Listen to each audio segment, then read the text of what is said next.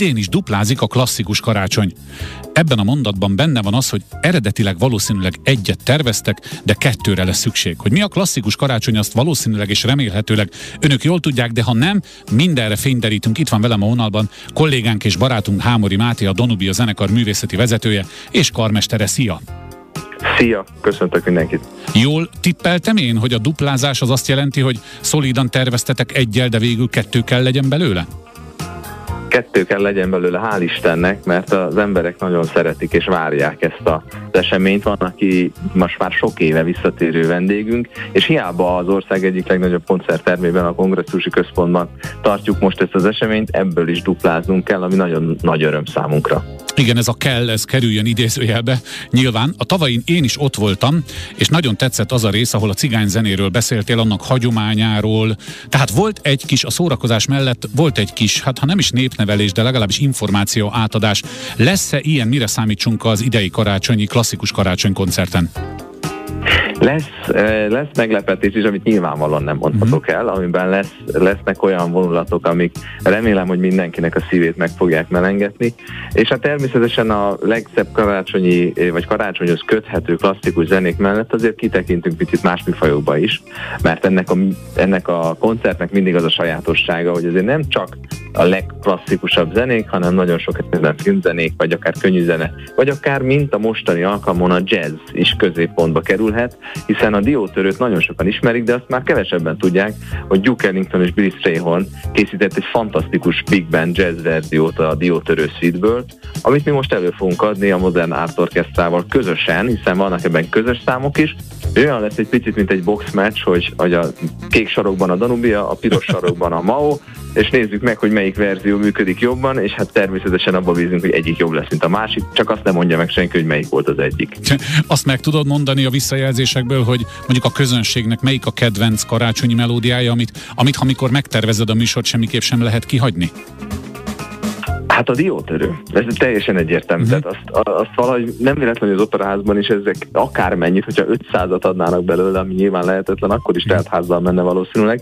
Az embereknek annyira összekapcsolódott a Tchaikovskynak ez a klasszikus a, a karácsonyi készülődéssel és azzal a hangulattal, hogy, hogy egész egyszerűen kitörölhetetlen és kihagyhatatlan. Szerintem nem volt olyan klasszikus karácsony az elmúlt sok évben, hogy legalább egy icipici részlet ne lett volna a diótörőből. Most pedig tényleg a leg, legismertebb dallamok, hiszen a Sweet fog felhangozni, méghozzá kétszer jazz verzióban és klasszikusban. Hoppá, hát tényleg még faggatlak egy picit, mi az, ami nem meglepetés és elmondható a repertoárból, hát ha kedves hallgatóknak, bár ezek szerint nem nagyon kell a kedvét meghozni, hiszen most már a második koncertre is igen szépen fogynak a jegyek. Hál' Istennek igen. Mozart mindig, vagy a leg, legtöbbször szerepet kap. Talán azért, mert azért a klasszikusok közül ő az, aki egy, egy ünnepi zeneszerző, lehet azt mondani, hogy ünnep, egy ünnepi asztalnak, egy szépen terített asztalnak Mozart abszolút az éke tud lenni. Úgyhogy vele kezdődik a Figaro nyitányjal az egész koncert, és időről időre természetesen az énekhangot is becsempészük ebbe a előadásba. Létai Kis Gabriella, a Magyar Állami Operaház magánénekesnője lesz a vendégünk, aki hát a másik nagyon sokat játszott az operában, karácsonyi időszakban sokat játszott műnek, a bohém életnek az ikonikus eh, nagyáriáját, Mimi nagyáriáját fogja eh, elénekelni nekünk, illetve Mimi nem is nagyáriáját, hanem belépőjét helyesebben. Uh, és természetesen lesz szánkózás, van az Andersonnak a nagyon híres szánkózás című műve, amit egyébként szintén nagyon szoktak szeretni a, ezen, a, ezen a koncerten. Lesz egy Mendelssohn nyitány is, azt egy kicsit félig meddig viccből is raktam vele, hiszen ha van távoli időpont, akkor a Szent Iván éj, az talán hát pont a másik, másik vége a, a, a kalendáriumnak.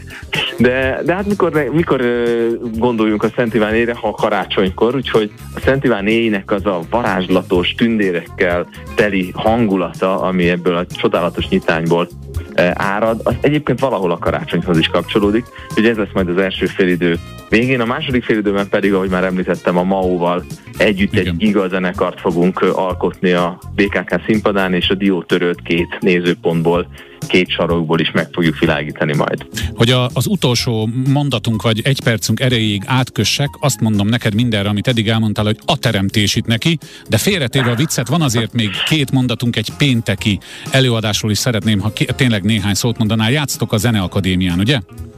Így van, a bérletünknek a következő előadása nagyon várjuk már, mert az egyik legcsodálatosabb klasszikus zenemiről van szó, valóban a teremtésről. Haydn írta ezt a művet, öregkori betetőző nagy alkotás, ráadásul a korszaknak az egyik legnagyobb ismerője Vashegyi György fogja vezényelni az együttesünket, és az ő énekkara a, a, Purcell kórus fog énekelni csodálatos zene, tényleg a leg, legcsodálatosabb dallamok, amiket el lehet képzelni. Nagyon várjuk az együttműködést, és azt is, hogy az itt is hát már, már, már majdnem teltházas koncerten a közönséggel újra találkozhassunk. Mivel pozitívan állok hozzá, azt mondom neked, hogy meg lesz az. Egészen biztos, hogy meg lesz az.